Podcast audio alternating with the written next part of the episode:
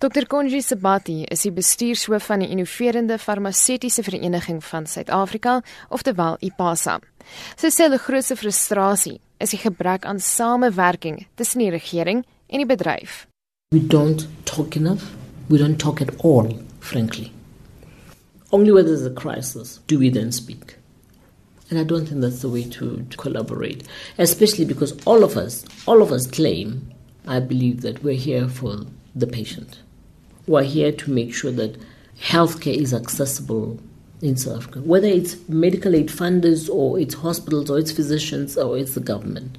We should all be collaborating and talking from the same hymnbook. Sy sê alle betrokke rolspelers het dieselfde doel voor oë om gesondheid te bevorder. At least those who can have the might and the means to provide. I don't understand why we can't sit together on a quarterly basis two years ago when there was that uh, stock out until the minister called an emergency meeting of all the companies of the drugs that were missing.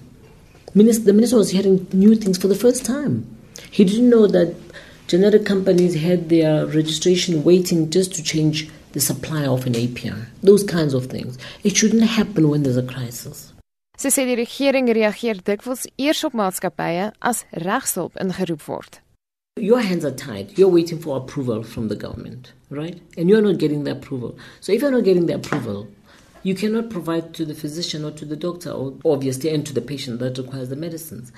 And it always has to be three, four weeks later, or until the government gets a letter from a lawyer. And then everything happens. Oh, oh, why did you have to get to the lawyers? We could do, and it's done in two days. Why? Why should you go to that level? Volgens haar is hulle nie besig om vingers te wys nie. I am saddened and not understanding why we can't sit around the table, even with the activists. Met verwysing na 'n vorige voorval, sê Sabati aktiviste se werk moenie ligtelik opgeneem word nie. They're very bright people. They know what they want. They do all sorts of anecdotal studies here and there and publish them and say all sorts of things.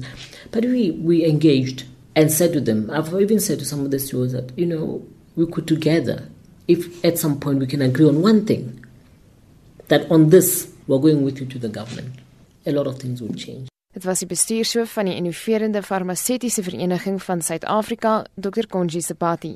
Ek's Marlene Forsie vir SAK nuus.